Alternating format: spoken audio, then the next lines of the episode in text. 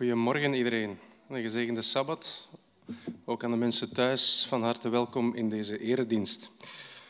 Ik heb een drietal aankondigingen voor jullie vandaag. Ik ga ze proberen in chronologische volgorde mee te geven. Dan vergeet ik er hopelijk geen. Eerste is uh, eh, 5 februari, een belangrijke dag. Dan laat Claudia Verrijd zich dopen hier in onze kerk. Daarom zijn we allemaal ook heel blij om. De dienst uh, zal gestreamd worden, maar uh, zal niet online blijven staan nadien. We wou dat gewoon even meegeven. Iedereen is ook van harte welkom, uiteraard, om deze blijde uh, dag samen hier te beleven in de kerk. Volgende is 12 februari. Dan zou de sabbatschool terug van start gaan. Uh, gezien de coronamaatregelen die opnieuw gewijzigd zijn, mag dat terug. Dus vanaf 12 februari, dus binnen twee weken, gaan we terug van start, s morgens voor de dienst, met de Sabbatschool. En dan een laatste aankondiging is voor 12 maart. Op 12 maart organiseert de federatie hier in de kerk uh, smiddags om twee uur een ESDA Folderdag. We hebben dat een aantal maanden geleden, als ik me niet vergis, uh, in Gent ook gedaan. Daar zijn ook een aantal mensen van onze kerk naartoe gegaan. Dit keer organiseert de federatie het vanuit onze kerk. Um, en opnieuw zal het niet enkel onze kerk zijn die daaraan deelneemt, maar ook andere mensen uit andere gemeenten die naar hier zullen komen. Dus onze kerk wordt uh, gebruikt als uitvalsbasis.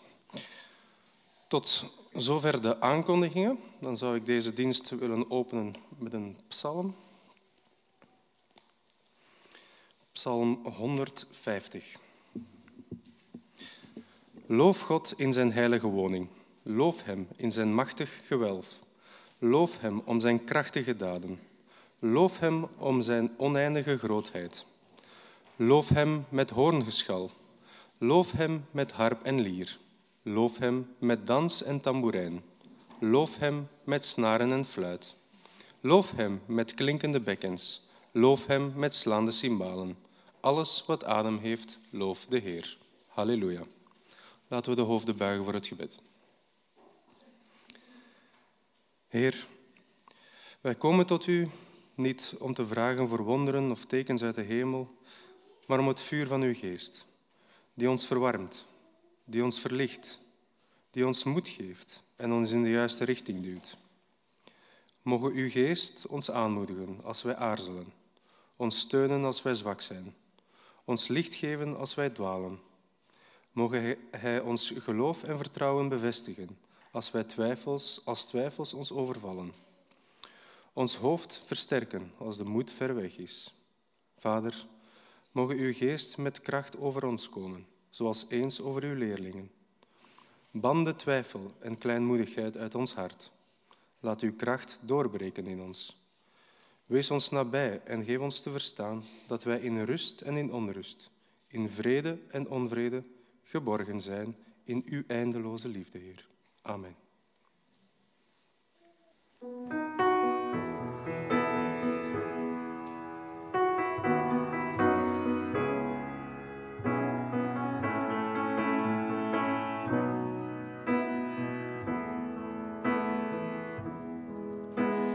Kan ik verder leven? Hoe moet ik verder gaan? Vergeven wat mij is aangedaan.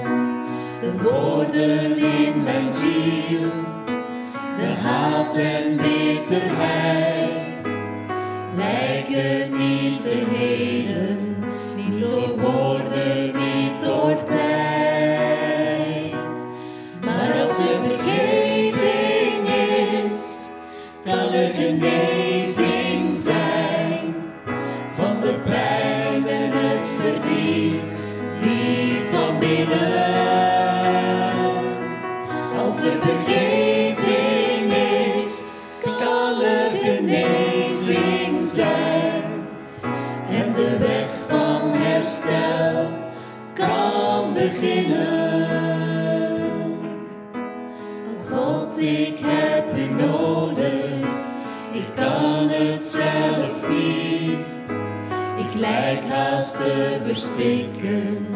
in angst en in verdriet.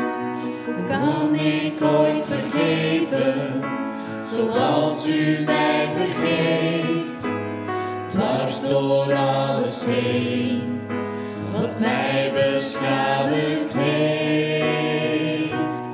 Maar als er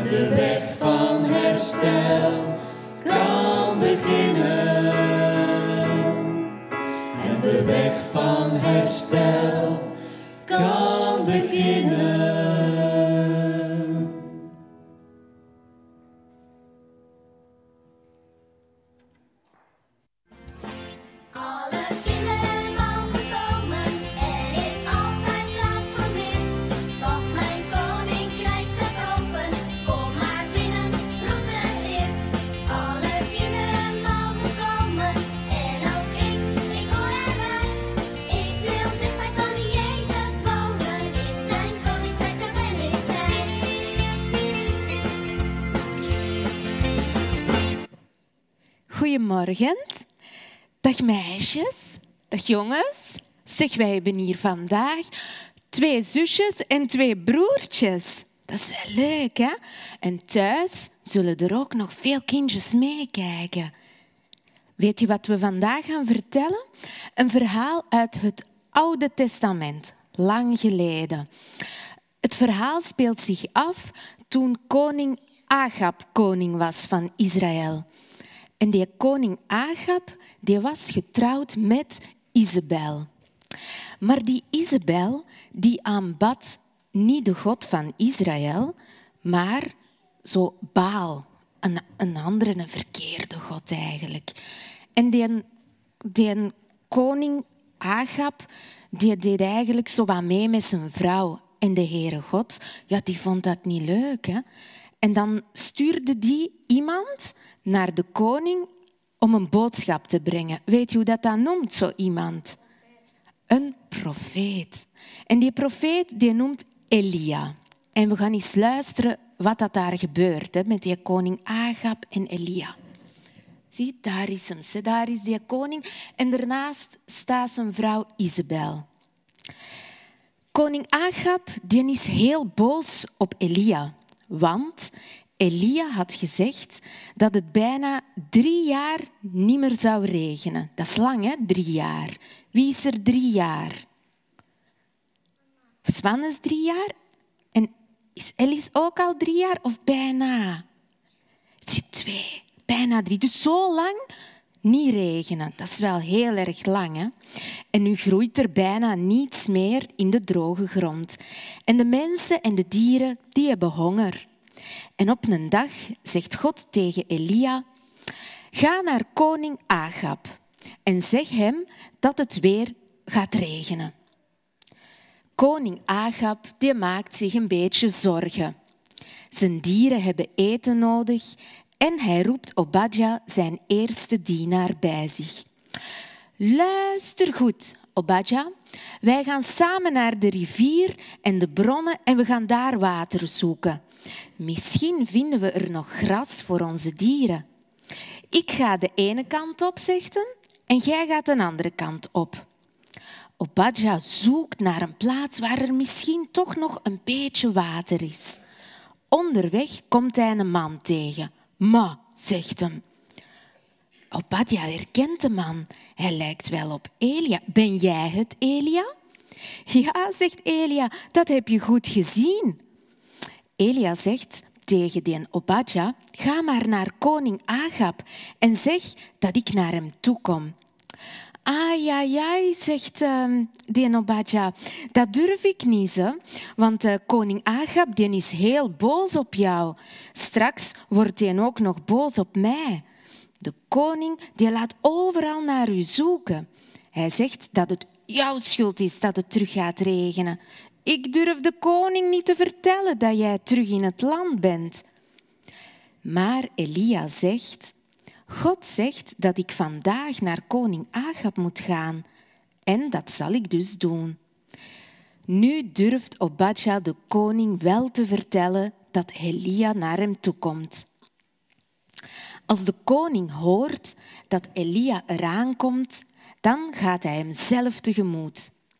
Het is jouw schuld dat het al zo lang niet regent, roept Agab boos tegen de profeet Elia. Nee, zegt Elia, dat komt door uzelf, majesteit, en door uw familie. Jullie bieden tot andere goden en dat wil de Heere God niet. U moet al het volk naar de berg Karmel sturen. Al de 450 profeten van die verkeerde god Baal moeten daar naartoe komen. Het wordt heel druk daar bij de berg. Zie je ze staan, al die mensen, allemaal bij elkaar. Ze zijn er allemaal, het volk, de koning en al die profeten van die god Baal. En Elia? Die is er natuurlijk ook. Luister allemaal goed, zegt Elia tegen het volk. Wie willen jullie kiezen? Kiezen jullie Baal of kiezen jullie de echte God van Israël? Maar niemand zegt iets. Die mondjes zijn allemaal toe. Het blijft doodstil. Ik ben de profeet van de echte God van Israël, zegt Elia. Ik sta hier helemaal alleen. En daar staan 450 profeten van de God, voor de God Baal. Dit gaan we doen. Hij heeft een idee.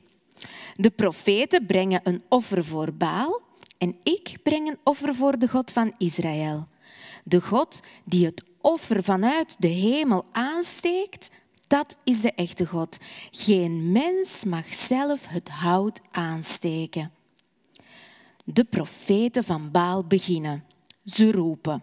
Baal, roepen ze allemaal. Geef antwoord. Laat het hout branden. Stuur vuur uit de hemel. En dan, dan maken ze nog een dansje rond dat offer. En ze roepen en ze zingen heel de ochtend. Maar het hout gaat niet branden. Zegt Elia, misschien moeten jullie wat harder roepen. Of misschien is jullie God wel aan het slapen.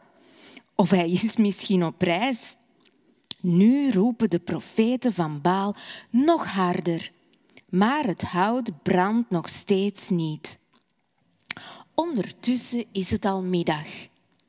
Elia maakt een altaar van twaalf stenen. Eén steen voor elke stam van Israël. Om het altaar graaft hij een diepe geul. Als het altaar klaar is, legt hij er hout op en dan het offer.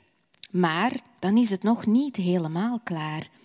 Elia laat vier grote kruiken water over het offer gieten. Zoals een emmer water. Zoveel water zit daar in een kruik. En dan nog een keer. Alles wordt drijfnat. De diepe geul rond het altaar staat nu helemaal vol water. Zo'n kikkerbad, zo rond, rond dat altaar.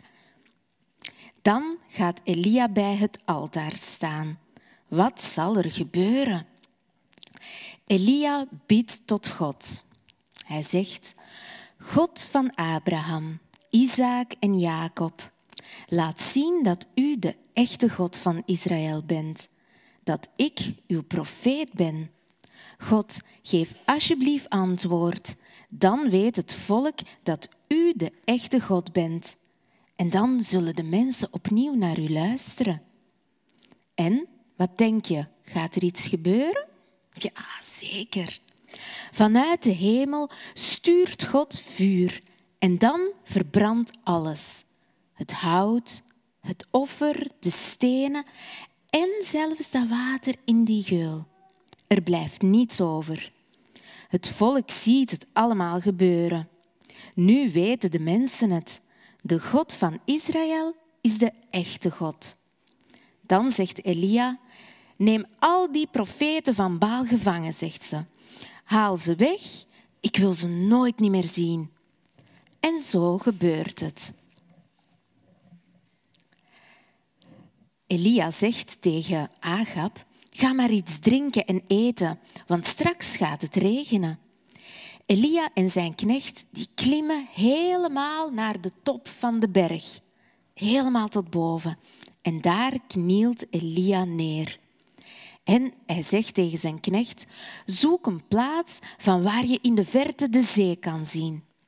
Kom dan terug en vertel of je al een wolkje kan zien. Na een tijdje komt de knecht terug bij Elia.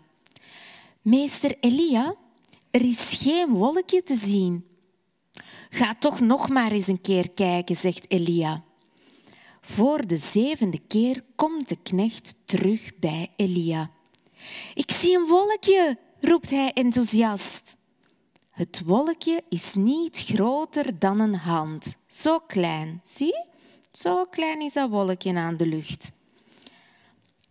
En hij zegt, Elia, ga maar naar koning Agab en zeg dat hij direct met zijn wagen naar beneden moet rijden, want het gaat dadelijk heel hard regenen en dan blijven die wielen in de modder vastzitten. De knecht rent naar de koning om hem te waarschuwen en hij roept, Majesteit, Elia zegt dat u snel naar huis moet gaan, want subiet gaat het regenen. Heel hard. De lucht wordt donker en het begint te waaien. Zo, begint het te waaien. Er komen nog dikke, donkere regenwolken vanaf de zee naar het land. En dan wordt de lucht helemaal zwart van de regenwolken. De regen die splettert op de grond.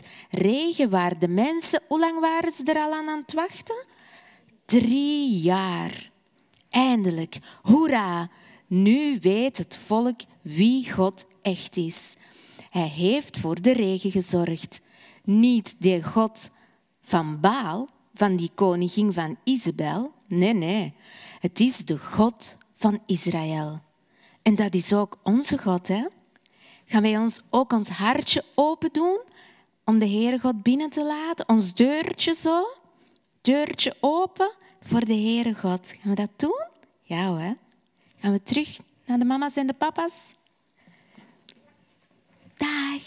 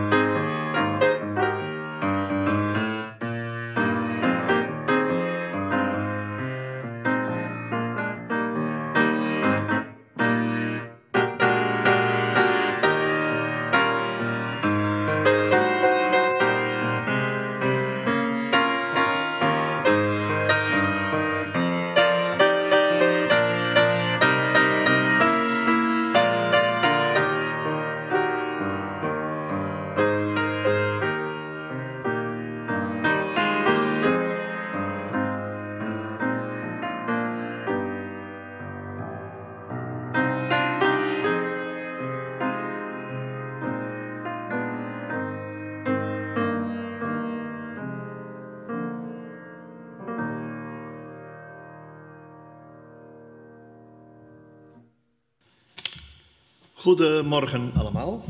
Ik mag vandaag voorlezen uit 1 Koningen 18 van 7 tot en met 15. 1 Koningen 18 van 7 tot en met 15. Onderweg kwam Obadja Elia tegen. Toen hij hem herkende, boog hij diep voorover en vroeg: Bent u het, Elia, mijn heer? Jazeker, antwoordde Elia. Ga uw meester zeggen dat Elia eraan komt. Maar Obadja protesteerde. Dat zou mijn dood zijn. Wat heb ik misdaan, heer, dat u mij aan Achabs genade wilt overleveren? Zo waar de Heer, uw God, leeft, er is geen volk of koninkrijk waar mijn meester niet naar u heeft laten zoeken. En als ze zeiden dat u daar niet was, dan liet hij dat volk of dat koninkrijk zweren dat ze u niet konden vinden. En nu wilt u dat ik mijn meester ga zeggen dat u eraan komt. Zodra ik van u wegga, komt er natuurlijk een geest van de Heer die u meevoert naar ik weet niet waar. En als ik dan tegen Agab zeg dat u er bent en hij kan u niet vinden, dan zal hij mij vermoorden. Vanaf mijn vroegste jeugd heb ik een groot ontzag gehad voor de Heer. Hebben ze u nooit verteld, Heer, wat ik gedaan heb toen Isabel de profeten van de Heer liet uitmoorden? Dat ik honderd van hen een schuilplaats heb geboden, vijftig in één grot en vijftig in een andere, en dat ik hen van voedsel en drinkwater heb voorzien? En nu wilt u dat ik mijn meester ga zeggen dat u eraan komt. Hij zal mij vermoorden.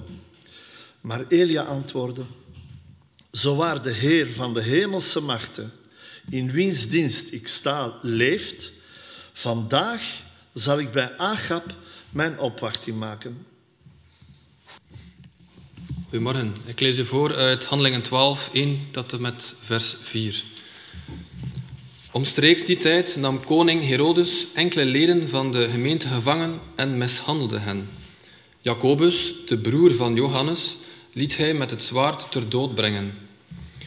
Toen hij zag dat de Joden hier gunstig op reageerden, liet hij ook Petrus aanhouden.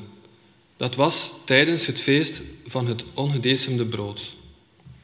Na de arrestatie sloot hij hem op in de gevangenis, waar hij hem door vier groepen soldaten van steeds vier man liet bewaken, met de bedoeling hem na het Pesachfeest ten overstaan van het volk te berechten. De Heere zegene de lezing van zijn woord. Laten de woorden van mijn mond u behagen, de overpeinzingen van mijn hart u bekoren, Heer, mijn rots, mijn verlosser. Ik ben blij dat uh, de kerk al wat voller begint uh, met leden te zitten. Er is mogelijk verandering op til. En ja, diegenen die thuis volgen, horen er natuurlijk altijd bij. Wij zullen sinds een paar jaar nu één grote gemeenschap zijn. Met allerlei mensen die in Nederland of in Griekenland of in Zwitserland of in Duitsland erbij zijn. En het is uh, tof om met elkaar de Heere God te mogen loven en prijzen en hem deze Sabbat op te dragen.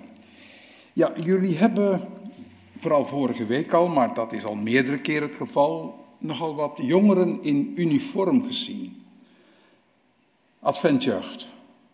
Leiding, verkenners tussen 12 en 16 en dan vonkjes tussen 6, 7 en 11. En uh, ja, uh, dat uh, is tof. Bij mij doet dat iets, want Goh, 60 jaar geleden liep ik hier ook in zo'n uniform rond. Ja, was wel wat anders. Hè? Het mode was anders.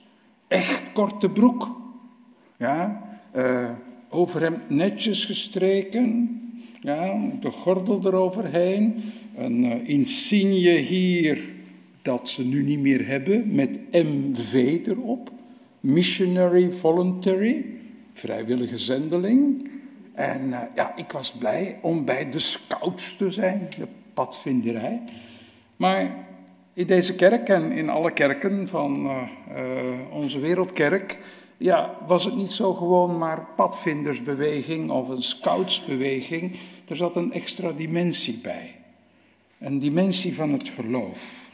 En eh, ja, in die periode, en ik heb het nu over de jaren 60, 62, 63, 64, 65, ehm, waren wij als MV-jongeren nogal blij. Wij vonden dat tof om daarbij te horen. En ja, er zijn er een paar die daarvan kunnen getuigen. We hebben hier nog in de zaal de leider van de verkenners zitten. En eigenlijk van de hele groep. De leidster van de vonkjes. En jullie weten misschien dat dat René en Edith uh, Koos, Baak zijn. Maar ook Simon was erbij. En in Frankrijk noemden ze haar Simonneke. Ik weet niet of ze het zich nog herinnert. En dan hebben we nog Evelyn en Micheline, die waren er ook nog bij. Het was toen een enorme groep van 35 jongeren. Maar een van de dingen die mij aansprak, omdat ik buiten de kerk erbij ben gekomen en ik op de middelbare school en de normaalschool zat, was ik eigenlijk erg onder de indruk van het feit dat er toen de nadruk werd gelegd op militaire dienst, prima, maar geen wapens dragen. Ongewapende dienst.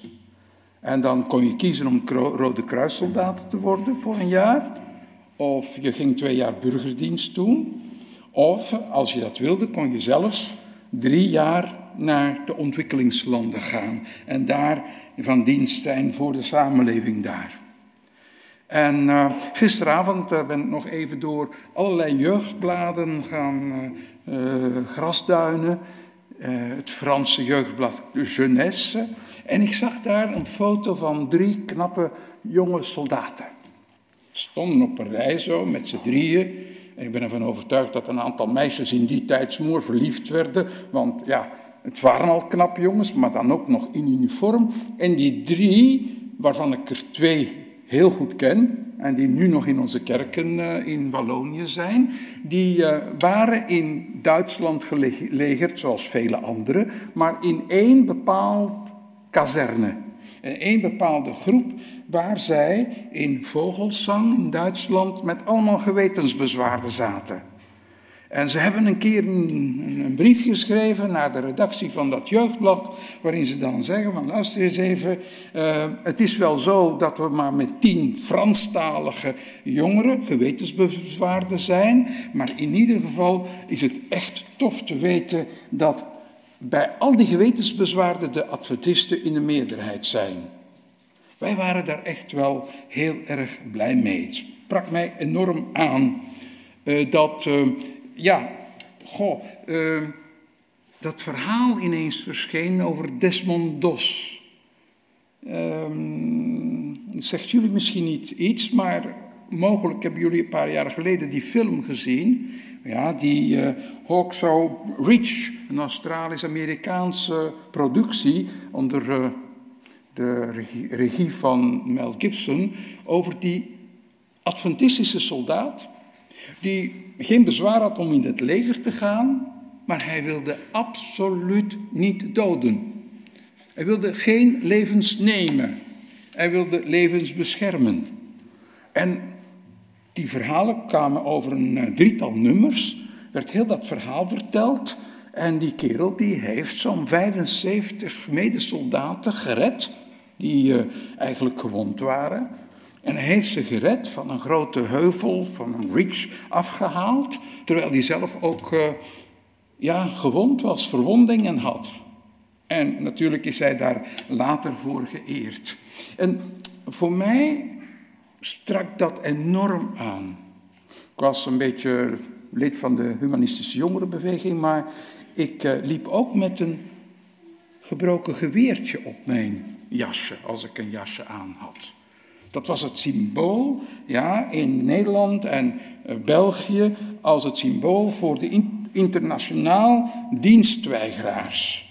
Ja, gewetensbezwaarden. Dus ja, dat, dat klikte voor mij.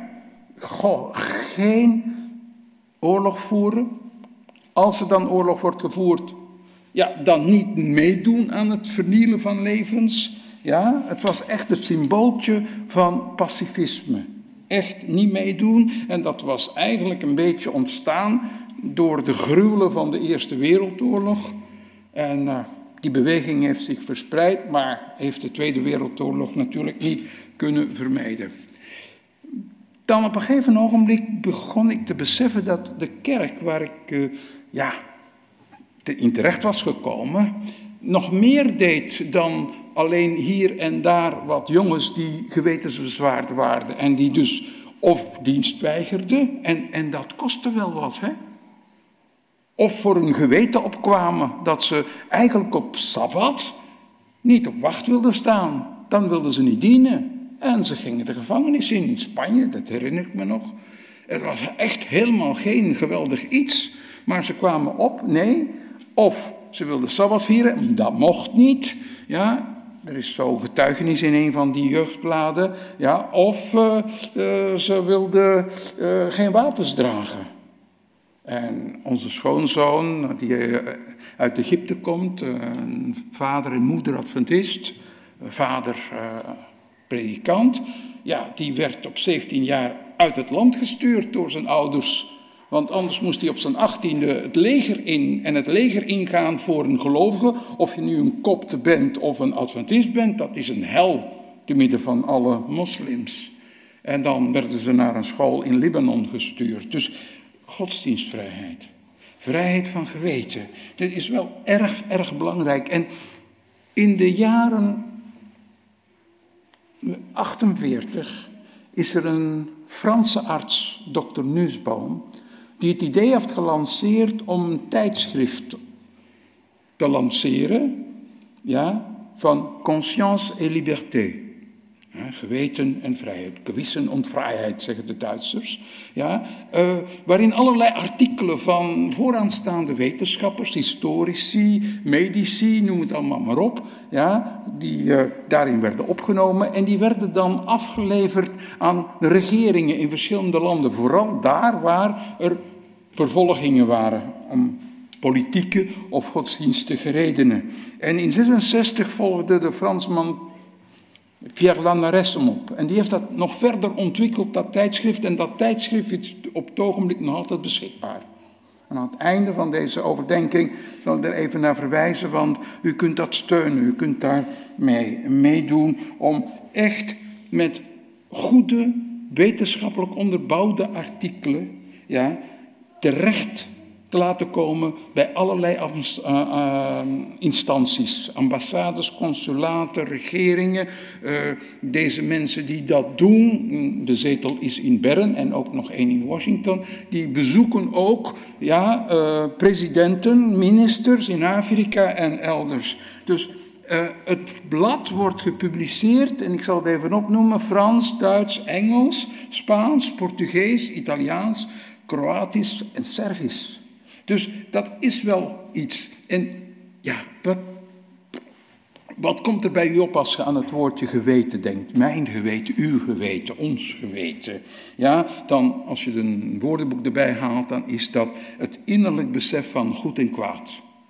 Ja, en uh, de zedelijke waarden, die worden beoordeeld op basis van het handelen. Dus iemand handelt en zegt, oké, dat is goed. Nee, dat is niet goed. Zal ik het doen? Dus het geweten speelt een enorm grote rol en ook het bewustzijn van de plicht. Ja, een plicht in zoverre dat het tegen de natuurlijke begeerte en, en, en, en uh, verlangens ingaat. Dus echt, dat Duitse woord gewissen, dat betekent bij zichzelf weten of met zichzelf weten. Dus echt heel goed nadenken waar je voor staat en waar, wat je doet. En als ik dan nu, in tegenstelling tot 1962, ja, een beetje minder jong, in het woord van God grasduin, dan tref ik meerdere figuren aan waarop uh, op de een of andere manier ja, van toepassing is dat ze vervolgd worden of dat ze opkomen tegen het onrecht tegen diegenen die vervolgen. Er zijn er heel wat die het moeilijk hebben gekregen.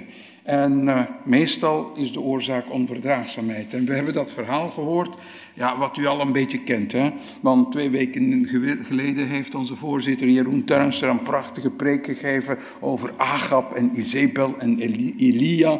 En eh, daar juist hadden we nog eens dat kinderverhaal. En ik ga het natuurlijk niet helemaal opnieuw vertellen, maar dat kleine stukje ja, waar Elia Obadja ontmoet.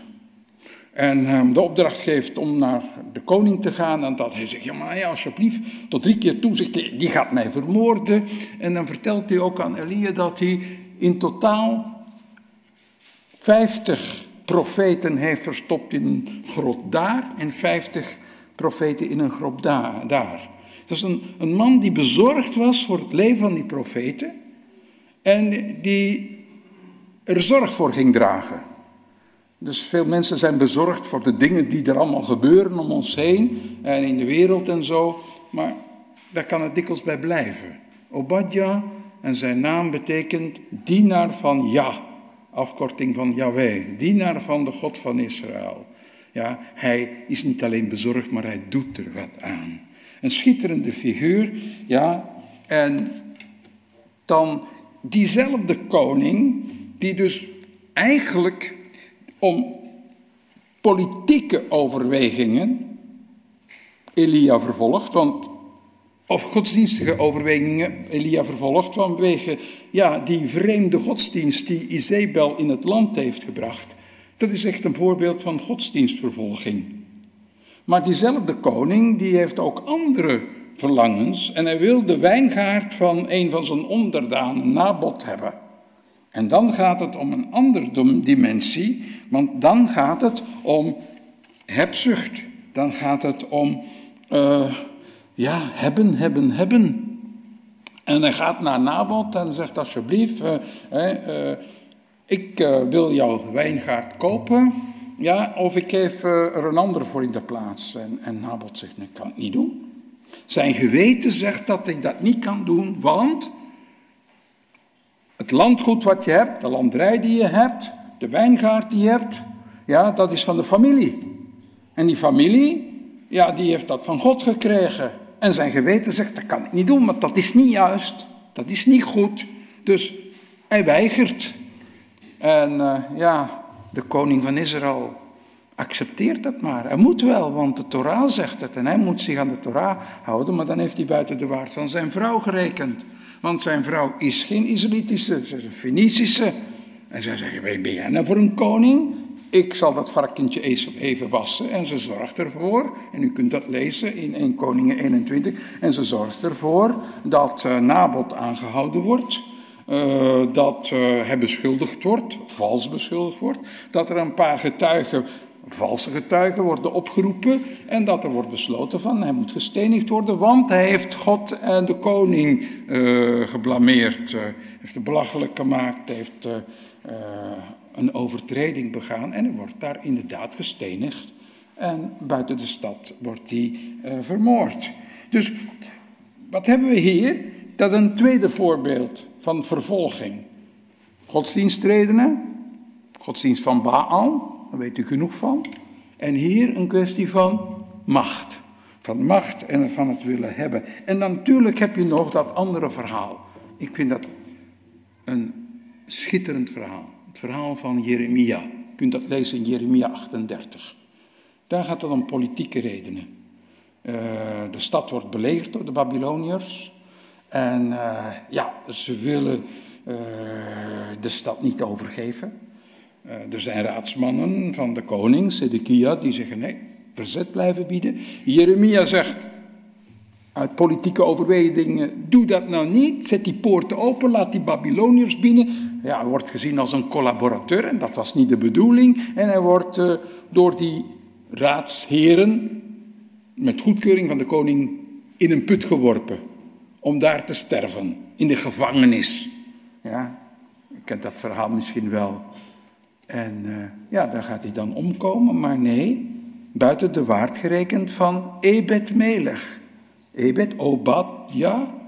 Ebed uh, is Obad Melech, de dienaar van de koning, de dienaar van God.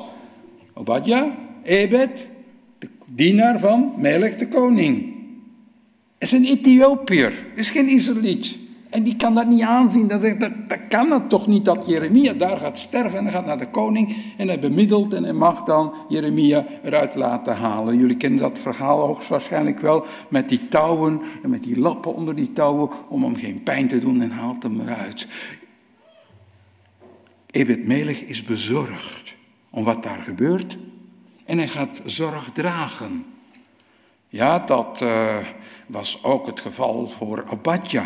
Hij is bezorgd om die profeten en hij draagt zorg en hij doet er wat aan. Zo hebben we hier een Obadja en Ebed Melech die echt voelen, empathie hebben, zich in de plaats proberen te stellen van die mensen die bedreigd worden en riskeren dood te gaan. Elia, die protesteert. Die roept Agap op het matje. Maar het is te laat, want intussen is Nabat al dood. Maar hij doet wel wat. In het Nieuwe Testament hebben we ook een aantal van die gevallen. En denk in de eerste plaats aan Johannes de Doper. Johannes de Doper wordt gevangen genomen. Eigenlijk gaat het om een politieke kwestie. Dat zou je zeggen. Dat was niet echt waar. Het was een gewetenskwestie. Johannes de Doper vond het niet akkoord, niet goed, dat koning Herodes, Antipas, zich van zijn vrouw heeft laten scheiden en de vrouw van zijn broer heeft ingepalmd waar die mee getrouwd is. En Johannes de Doper wil dat niet aanvaarden. Hij protesteert, hij klaagt de koning aan. En Herodes kan er eigenlijk niet tegenin gaan, want hij had hem wel graag. Je kunt dat lezen in Marcus evangelie. Hij had hem graag, hij hoorde graag. Hij, liet hem ook aan het hof komen om, om te vertellen en om te zeggen. Maar ja, natuurlijk, uh, uh, die vrouw Herodias was daar niet blij om. En zij vraagt uiteindelijk zijn hoofd en hij wordt onthoofd. En uh, dat is het dan. Dus hier heb je weer zoiets van dat het geweten van iemand die zijn mond niet houdt. En soms moet je je mond houden en soms moet je je mond niet houden. Hij houdt zijn mond niet. Ja, die het onrecht aanklaagt, die dan uiteindelijk ja, in de gevangenis terechtkomt en sterft. En niemand zorgt voor hem. Obadja zorgde, Ebed Melech zorgde, maar hier, net zoals Nabot, niemand had die voor hem zorgde. Is het hier Johannes de Doper? Niemand komt voor hem op. En dan heb je dat uh, gebeuren wat uh, daar juist uh, gelezen is over koning Herodes, heet hij. Eigenlijk is het Agrippa de Eerste, maar ja, allemaal familie van Herodes. En daar in Handelingen 12 is dat verhaal waarin Jacobus, niet de broer van Jezus, maar de broer van de discipel, de leerling Johannes, die uh, wordt uh, in de gevangenis gezet. En de meesten denken dan, nou, dat is godsdienstvervolging. Nee, het was een kwestie van politiek.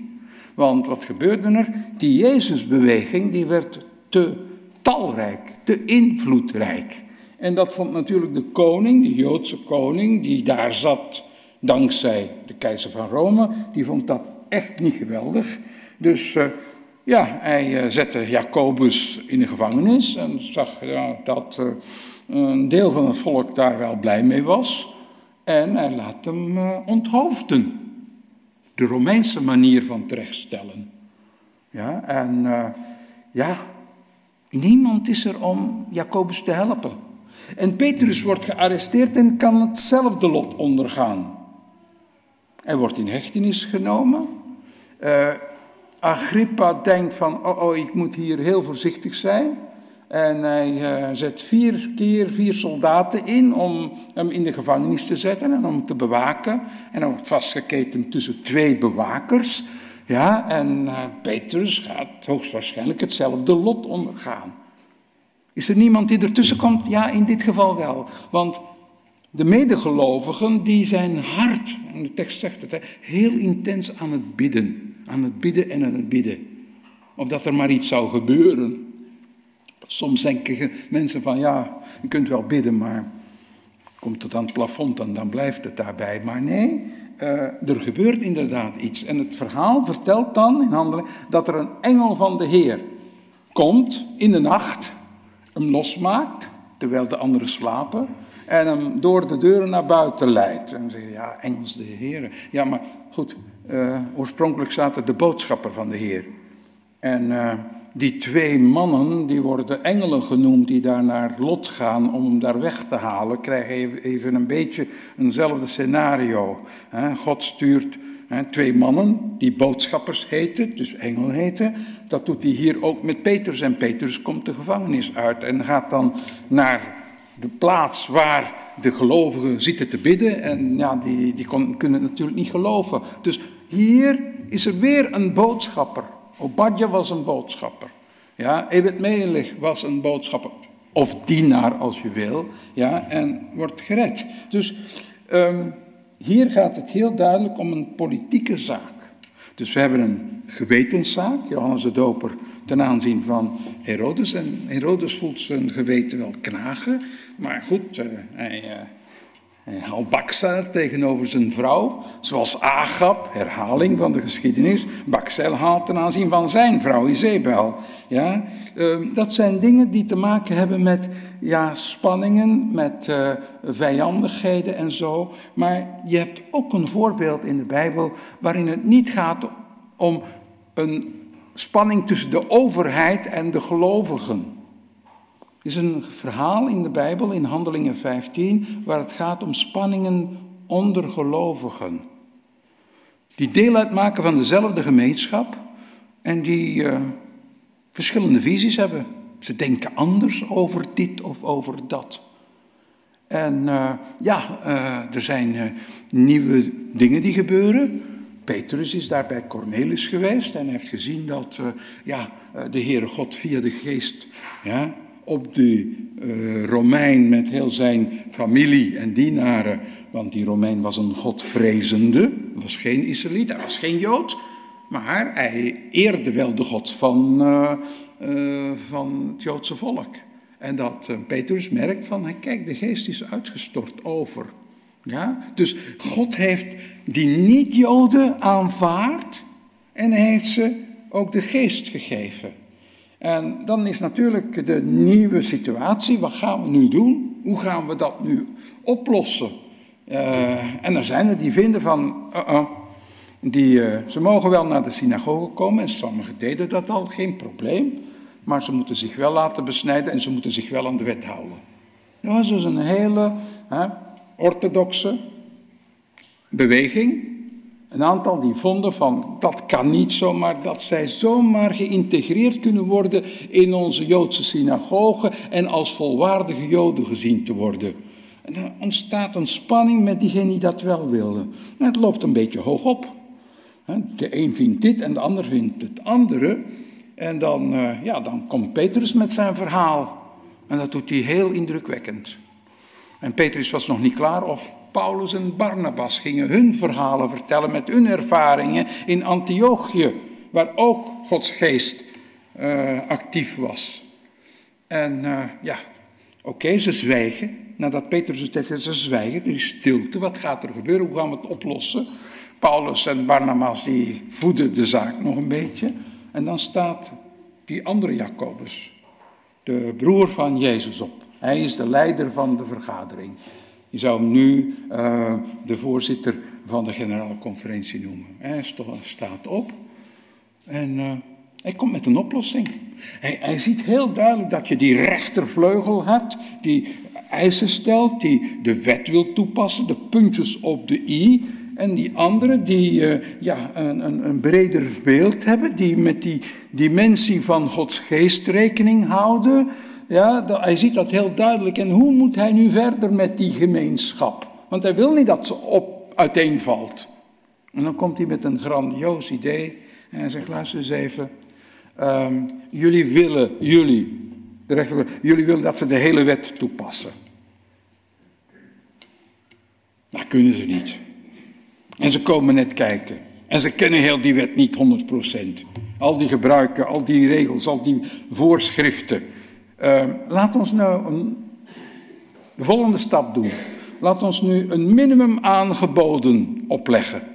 Dat we samen kunnen eten en dat we samen kunnen huwelijken eh, bevestigen. Gewoon gemeenschap zijn. Een minimum aangeboden. Dus een maximum de ene en een minimum aan de andere kant. En dan zegt hij van, jullie moeten niet bezorgd zijn. Hè? Jullie die vinden dat zij de wet moeten houden. Kijk, kijk eens even, elke Sabbat zitten ze in de synagoge. En in elke Sabbat wordt Mozes onderwezen, de Torah, de vijf boeken van Mozes, Genesis, Exodus, Leviticus, Numeri en Deuteronomium. Die Torah waar de profeten voor op de bres zijn gekomen, op de barricade. Kijk, ze gaan wekelijks gaan ze die geboden leren en die gaan groeien in het geloof. Geef ze de tijd. En uh, zo wordt het dan besloten. En dan gaat er een brief, vooral naar die gemeenschap in Antiochië, van het heeft de Heilige Geest en ons goed geacht. Een samenwerking, een synergie tussen God en mens. En zo gaat het dan. Dat, kijk, uh, Jacobus was bezorgd. Ja, Petrus en Paulus ook. Maar Jacobus had de praktische geest. Van we zitten in dat, in dat schuitje, we moeten een oplossing vinden en hij doet het. Dus wat hebben we hier nu? Ja, het probleem van geen vrijheid van geweten voor Johannes de Doper. Geen vrijheid om je te ontwikkelen in de maatschappij. En is een politieke kwestie, daar met Jacobus en Petrus. En hier heb je uh, geen vrijheid van godsdienstige opvatting.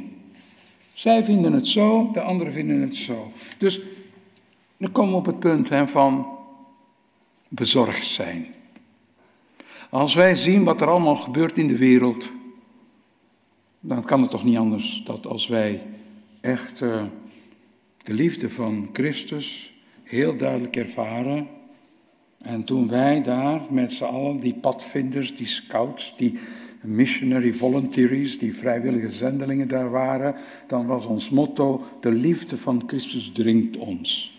En eigenlijk was dat die, die geloofsdimensie die bij die scoutsbeweging werd ingevoerd en benadrukt van, ja maar kijk eens even, eh, je bent dan wel een padvinder en je leert de knopen en je leert eh, de sterren en de, de, de, kaarten lezen en je weet vuren te bouwen en wie tenten op te zetten enzovoort enzovoort. Maar dat is tof, dat is noodzakelijk, daar leer je een beetje wat. En als je dan later in het leger gaat, dan heb je er ook nog wel wat aan. Ja, maar, maar die geloofsdimensie, de liefde van Christus dringt ons. En als je dan bezorgd bent om het leed of het onrecht, de vervolging die in de wereld zit, ja, dan, dan kun je toch niet anders dan empathie opbrengen. Je invoelen in de situatie. En hoe komt het toch dat de mensen niet in staat blijken te zijn ja, om uh, te verdragen dat andere mensen anders geloven anders denken, anders handelen. Waarom mag dat nu niet? Waarom moeten ze nu gaan geloven wat wij geloven, wat ik geloof? Waarom moeten ze denken wat ik denk? En dan gaat het over alle mogelijke aspecten van het leven. Waarom niet? Ja? Uh, waarom moeten we anderen verplichten? Verplichten en als ze het niet willen, dan gaan we ze belachelijk maken. Of dan gaan we maatregelen nemen, of we gaan ze isoleren, of we gaan uh, geweld gebruiken. Ik duik even met jullie in de geschiedenis, een geschiedenis die jullie mogelijk kennen. De hele Lutherbeweging in Antwerpen had Luther nogal wat succes en er waren een aantal monniken die waren, waren Lutheraan geworden. En ze werden wel op de grote markt in Brussel uh, de brandstapel gezet. Want ze dachten niet meer als de katholieke kerk toen. En dan, en dat, dat grijpt mij heel erg aan. Want oké, hier was spanning, de, het was het begin van de godsdienstoorlogen in de lage landen. Maar in Genève, de stad Genève, daar was men veilig. Had men niet te maken met last van oorlogen en indringers. Johannes Calvijn, die daar de predikant was, de hervormer was, die een hele goede vriend had, Michel Servet. Wat doet hij? Hij zet zijn beste vriend op de brandstapel. En waarom? Omdat Michel Servet een ander beeld heeft van Christus, van Jezus, dan hij. Hij vond dat Jezus de eeuwige zoon was van de Vader. En Servet zegt, Jezus is de zoon van de Vader, maar de zoon van de eeuwige Vader. Hoort u het verschil? Hij is de eeuwige zoon van God de Vader. En Servet zegt, nee, hij is de zoon van de eeuwige Vader, eeuwige God. Steek aan dat vuurtje, zegt Calvijn. Hoe, hoe krijg je het voor elkaar? Hoe krijg je het voor elkaar? Hoe zit het bij mensen dat je wil dat ze denken zoals jij, zoals wij? Waarom moet het een eenheidsworst zijn? We zijn allemaal verschillend van uiterlijk, hebben verschillende soort haar, verschillende soorten lengte, noem het allemaal maar op. En toch verwachten bepaalde mensen dat anderen zijn zoals zij. Ik weet niet of jullie ooit uh, die film hebben gezien, The Cry in the Dark. In de jaren 80, 82 is een Adventistisch echtpaar dat met de kinderen was gaan kamperen bij Eiersrop. Weet wel, die rode ro uh, rots. Ja, uh, die waren dan gaan kamperen. En er was een uh, negen weken oud, negen weken oude baby bij. En op een gegeven moment ziet Lindy, die, de moeder, die ziet een, een dingo weglopen die bij de tent was geweest. En de baby was weg. Ramp, zoeken, Iedereen mobiliseren, niet gevonden. En omdat zij Adventist was en haar man was 70 Adventistische predikant, daar in Northern Territory hebben ze haar gearresteerd en beschuldigd dat zij daar een kinderoffer heeft gebracht. Want ja, er was nog wel wat bloed wat daar lag. Een kinderoffer heeft gebracht. Want ja, die Adventisten, ja, als je te weinig kennis hebt en te weinig informatie hebt, dan ga je allerlei dingen bedenken. En in 82 is ze veroordeeld in de gevangenis. Ze zat in de gevangenis. In 1986 waren wij net in Australië en werd ze vrijgelaten. En waarom werd ze vrijgelaten? Omdat er een collega van mij was, een specialist in Nieuwe Testament. Ik was voor Oude Testament, hij was voor Nieuwe Testament. Uh, die hen goed kende, want ze woonden op de campus. Uh, Michael, de, de, man, die had een functie in de bibliotheek van, uh, van Avondale. Uh, die, die kon dat niet verdragen, dat zij in de gevangenis zat. Ze kenden ze. Wij kenden ze. Wij nog niet, want wij waren er toen nog niet in 82, maar de hele uh, faculteit daar kende en de hele school kende haar. En konden dat niet geloven. Maar Noam Young, de Nieuw-Testamenticus, die was niet alleen bezorgd dat ze in de gevangenis zat, maar hij ging zorgen voor haar. Ging onderzoek doen, ging documenten opvragen, ging brieven schrijven. Ontwikkelde een heel netwerk en ze is vrijgekomen. Later hè, heeft ze hè, pardon gekregen en is ze eruit gekomen. Waarom? Omdat er iemand is geweest, vooral iemand, die bezorgd was en die ging zorg dragen voor hen. Dus later heeft uh, de Australische regering 1,2 miljoen dollar gegeven. Ja, wat ben je daarmee? Als je die ellende hebt gehad in de gevangenis te zitten. Maar wat fijn dat er mensen zijn die, die opkomen voor diegenen die met onrecht behandeld worden. En nu, wij. Jullie merken het, jullie weten het, onze maatschappij verhard, verruwd. Men zegt van alles. Het doet er niet toe. Men moet het kunnen zeggen. De vrijheid van het kunnen zeggen. Ja, en uh, de maatschappij, samenleving is verzuurd. Uh, het wordt onbehagelijk. Vinden jullie het nog ontspannend? De spanning? Spanning om allerlei redenen. Ik weet niet hoe jullie dat ervaren, maar wat is er toch met mensen en ook gelovigen aan de hand om anderen niet de ruimte te geven de vrijheid te geven, de mogelijkheid te geven om anders te denken, om anders te, zich anders te kleden, zich anders uh, uh, te gedragen uh, in de omgang met, laten we zeggen, zich anders te voelen. andere dingen te zeggen. Eh, te doen met hun haar of met hun kleding of met hun lichaam, wat ze zelf willen. Waarom moet iedereen precies zo zijn zoals deze groep of deze groep? Waarom, lieve mensen, niet stoppen met discussiëren? Voor of tegen? Voorbeeldje. Wij komen uit Collonges. Uh, ik heb mijn opleiding als predikant gehad. Ik heb daar het geluk om Thea te ontmoeten. Uh, ik was uh, ja, vegetariër van thuis uit. Dus wij lusten als kind al geen vlees, dus dat ging heel gemakkelijk, was vegetariër worden. En op school was alles vegetarisch, vegetarische keuken. Er waren wel een aantal docenten die thuis wel vlees zaten. Maar oké, oké, dat, dat kan gebeuren. Hè. Maar dan ben je vegetariër. Ja, en, dan, en dan kom je in Nederland terecht. En dan is het... Uh, zie je een heleboel vegetariërs en die zeggen tegen anderen van... Als jij vlees blijft eten, kom je niet in, in de hemel. En dan een predikant. Ja, maar vlees en bloed, hè, die komen niet in de hemel. Dat is allemaal flauwekul. En, en, en discussies. Uh, ik zat in een sabbatschool helemaal in het begin. Een jonge predikant, net afgestudeerd. En ja, dan heb je wel les gehad van diegene die het, het, wat het beste weten op dat moment over de Bijbel. Ja, en uh, het is een sabbatschool en het gaat over het nieuwe Jeruzalem. En de predikant die daarvoor staat, ja, die zegt van, ja, dat Jeruzalem is echt naar beneden gekomen. Waarin deze jongen van 23 jaar zegt, ja, maar kan toch niet.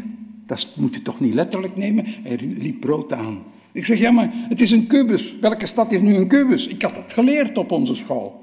Ja, uh, ja en, en die stad is 1600 kilometer lang, 1600 kilometer breed en 1600 kilometer. Dat is toch een symbool?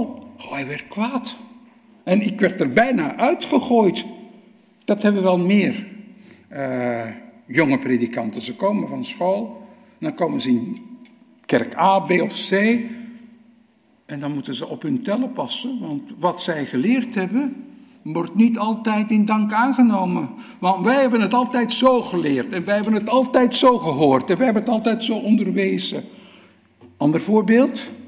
Ja, in Frankrijk was dat heel sterk, de gezondheidsboodschap. Dus je drinkt geen koffie en Thea ik heel gedwee, wij dronken geen koffie. Dan kwamen we daar bij de staf op onze school, opleidingsschool voor predikanten. En dan was het zo, oh, oh, ja, ja, jullie drinken kindertjes koffie, hè? Dat was dan Caro, hè? Van, even, even dat een beetje belachelijk maken, hè? Maar, waarom is het nu nodig? Nodig om elkaar belachelijk te maken. Ja, als er een nu wijn wil drinken, dan drinkt hij toch wijn. Wat heb ik daarmee te maken? Of hij drinkt geen wijn, wat heb ik daarmee te maken? We zijn gemeenschap. En natuurlijk, u weet het, u hebt het zelf allemaal al tussen de regels gehoord, de kwestie van de vaccinaties. Waarom laat iemand zich vaccineren en waarom wordt dan laat iemand zich niet vaccineren? Dat doen ze naar alle waarschijnlijkheid omdat ze persoonlijke overtuiging hebben. Geestelijke, religieuze beslissingen, overtuigingen. En wie van ons heeft nu het recht ja, om te zeggen, ik weet het beter dan jij. Want ik zal het iets bewijzen. Er zijn medische, ja, ethische, filosofische redenen voor. Ja, reden om bezorgd te zijn. Voor de ene groep en voor de andere groep. En natuurlijk, de ene groep baseert zich op informatie van, ja, van de overheid, van de gezondheidsexperts. En de andere baseren zich op andere informatie, wetenschappelijk onderbouwd naar hun mening. Ja, waarom? Waarom geen vrijheid? En waarom niet het accepteren dat een ander het niet doet? En dan moeten we vermijden dat we, als we dan samen zijn, dat we niet denken: Oh, jij laat u nu vaccineren, je zet er bang voor, zeker? Of, uh, ja, ik heb mij laten vaccineren, hè? Uh, ik snap dan niet dat jij dat niet doet en dergelijke. Waar, waar halen we het recht vandaan? Om de ander een beetje in de hoek te duwen? Waarom niet gewoon respecteren? Het recht, kunnen we niet het recht opeisen om uh, het goed te doen? Waarom mag in deze maatschappij nu gewoon het gangbaar zijn om elkaar te haten, te schofferen, pijn te doen met woorden, of anderszins met uh, kleineren, belachelijk maken, met veroordelen, met afserveren. Ja? Waarom de claim op je te nemen dat jij het beter weet? Jezus klaagt dat aan. In zijn prachtige bergreden ja, eh, is het heel duidelijk. Hè? Als hij zegt in Matthäus 5, zegt hij daar heel duidelijk ja, van... Ieder die in woede tegen zijn broeder of zuster tekeer gaat, zal zich moeten verantwoorden voor het gerecht. Bedoelt hij eigenlijk uh, ja, plaatselijke synagoge mee? Het bestuur, het gerecht van de synagoge. Ja, en in ieder ja, die uh, tegen zijn broeder of zuster tekeer gaat en zegt niets nut, zal zich moeten verantwoordelijk tegenover het Sanhedrin, het overkoepelend orgaan. En als je dwaas zegt, dat wil zeggen je hebt totaal geen verstand, dan plaats jij je op de troon van God. Jezus zegt nee, geen sprake van. Kijk dat kleinkinderen elkaar pijn doen, dat, nou, soms begrijp je dat niet, wat kinderen drijft. Hè? Om anderen te pesten en, en uit te sluiten en zo. Er zijn heel wat kinderdrama's uh, die daardoor zijn ontstaan. Hè? Uh, dat kinderen, uh, maar ja, dat doen, ze weten niet altijd beter. Hè? Ze weten zich nog niet te gedragen. Ze moeten nog een leerproces doorlopen. Ja, maar wat houdt ons tegen om in het voetspoor van Jezus lief te hebben? En dat betekent om te luisteren, om geduldig te zijn, om de ander te respecteren, om begrip op te brengen, om te begrijpen wat een ander voelt of denkt, ja, en om zelf dat te mogen zijn zonder de ander te schaden. Ja, is reden om bezorgd te zijn. Bezorgd te zijn. Ik ben natuurlijk bezorgd. Ik denk samen met jullie allemaal dat er vervolgingen zijn. Godsdienstvervolgingen. Ik ga ze niet opnoemen, u kent ze. Politieke vervolgingen. Gewetensproblemen waardoor mensen in de knie geraken. En dat vind ik erg als dat van regimes gaat, van dictators, van uh, systemen, ideologieën. Natuurlijk ben ik daar bezorgd voor. Om. Maar ik ben ook wel bezorgd dat wij als Adventisten, die zo'n schitterende boodschap hebben en zo'n schitterend instituut als het in de Vereniging ter Bevordering van Godsdienstvrijheid. Want in de maand januari wordt er wereldwijd in onze kerken dat gepromoot. En is dat tijdschrift er. En dan kunt u straks, kunt u, als u dat wil, kunt u zich uh, inschrijven als lid. En het wordt even geprojecteerd, het wordt lid. Je mag geven wat je wil, maar tenminste 6 euro en dan word je lid. En daarmee help je Adventisten of hoogwaardigheidsbekleders allerlei stappen te ondernemen. Zodanig dat die ellende, de vervolgingen, de martelingen, eh, de gevangenissen in aantal naar beneden gaat. Je kunt ook een vrijwillige gave geven. En u ondersteunt dat blad dat dan doorgestuurd wordt. Je kunt dat doen en dat wil ik ook doen. En ik heb dat ook regelmatig gedaan in volle overtuiging. En dat dateert nog vanuit die jeugdtijd bij de scouts met dat geloof erbij. Dat is zo essentieel.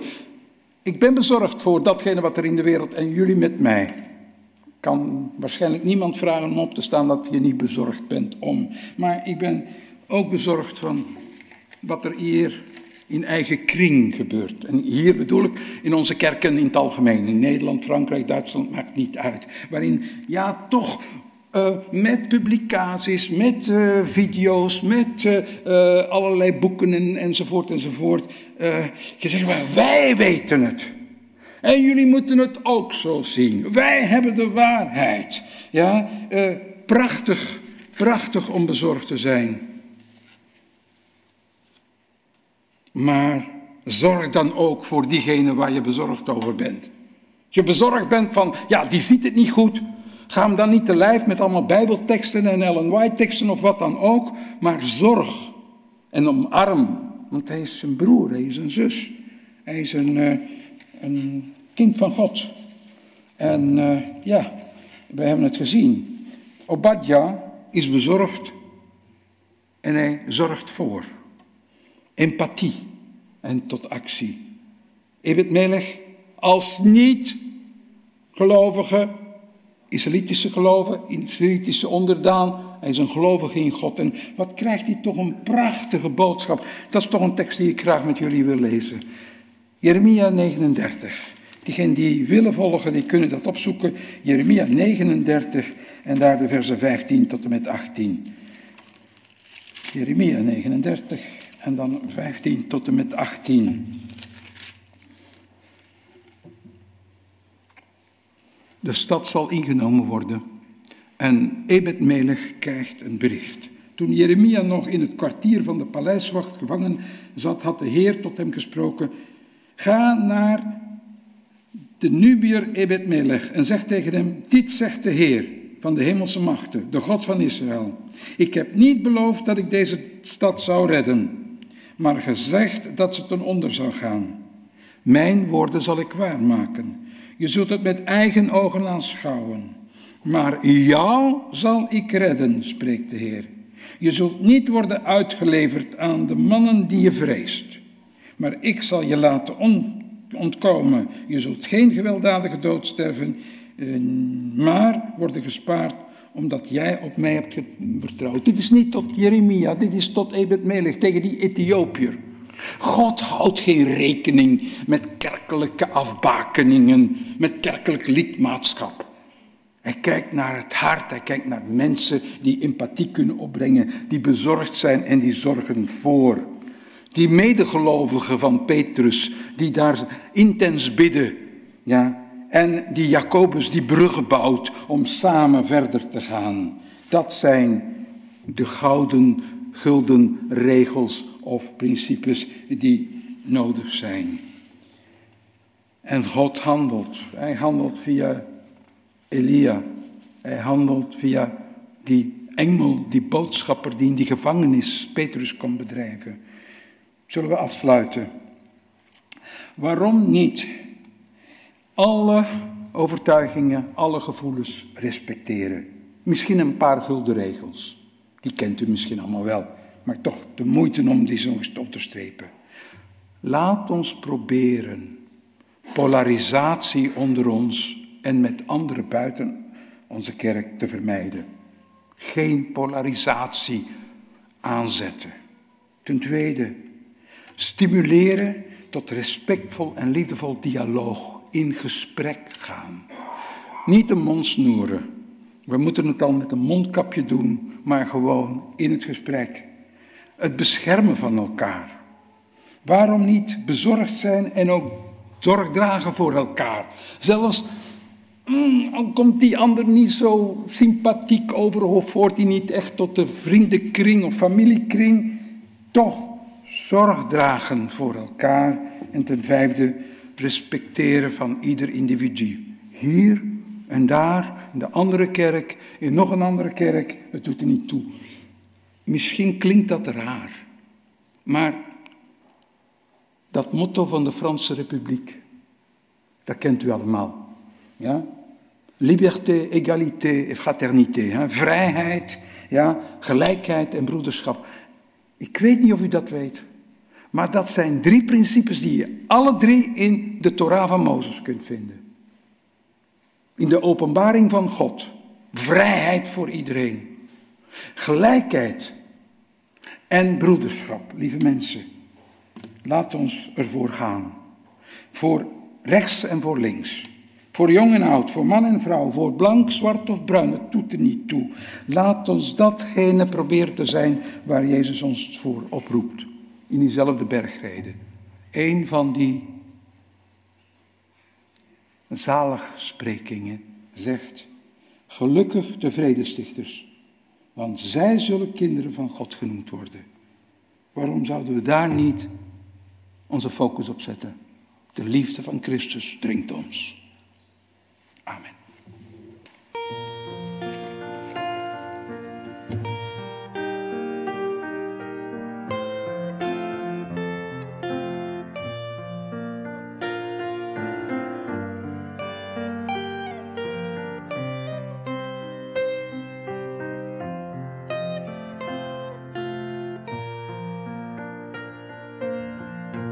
In de nacht van strijd en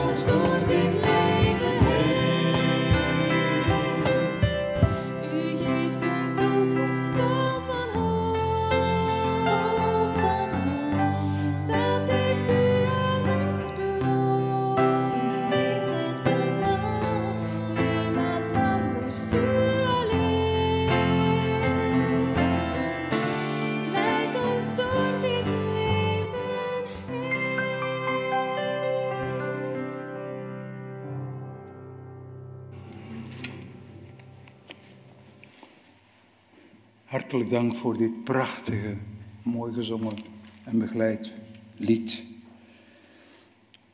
Laat de God die liefde is ons inspireren om zijn liefde door te geven. Laat God die ons draagt met kracht, ons motiveren om anderen met kracht te dragen. Laat God die ons wil zegenen met genade, er ons toe aansporen dat wij genadig zijn naar anderen toe. Laat God die ons wil bewaren voor elkaar, mag het zo zijn dat God ons motiveert om te zorgen voor elkaar en elkaar te bewaren voor elkaar. Dat het een huis van vrede mag zijn, waar Hij zijn aandeel in heeft en ieder van ons eraan toe bijdraagt dat er vrede heerst in alle opzichten, onder ons en met de mensen waar wij mee in contact komen. Laten we dan dit samen zijn beëindigen met de woorden van de zegen van de priester Aaron. Mag ik u vragen om op te staan? De Heer zal je zegenen en je beschermen. De Heer zal zijn stralend gezicht naar je toewenden en je genadig zijn. De Heer zal zijn blik op jou richten en je vrede geven. Amen.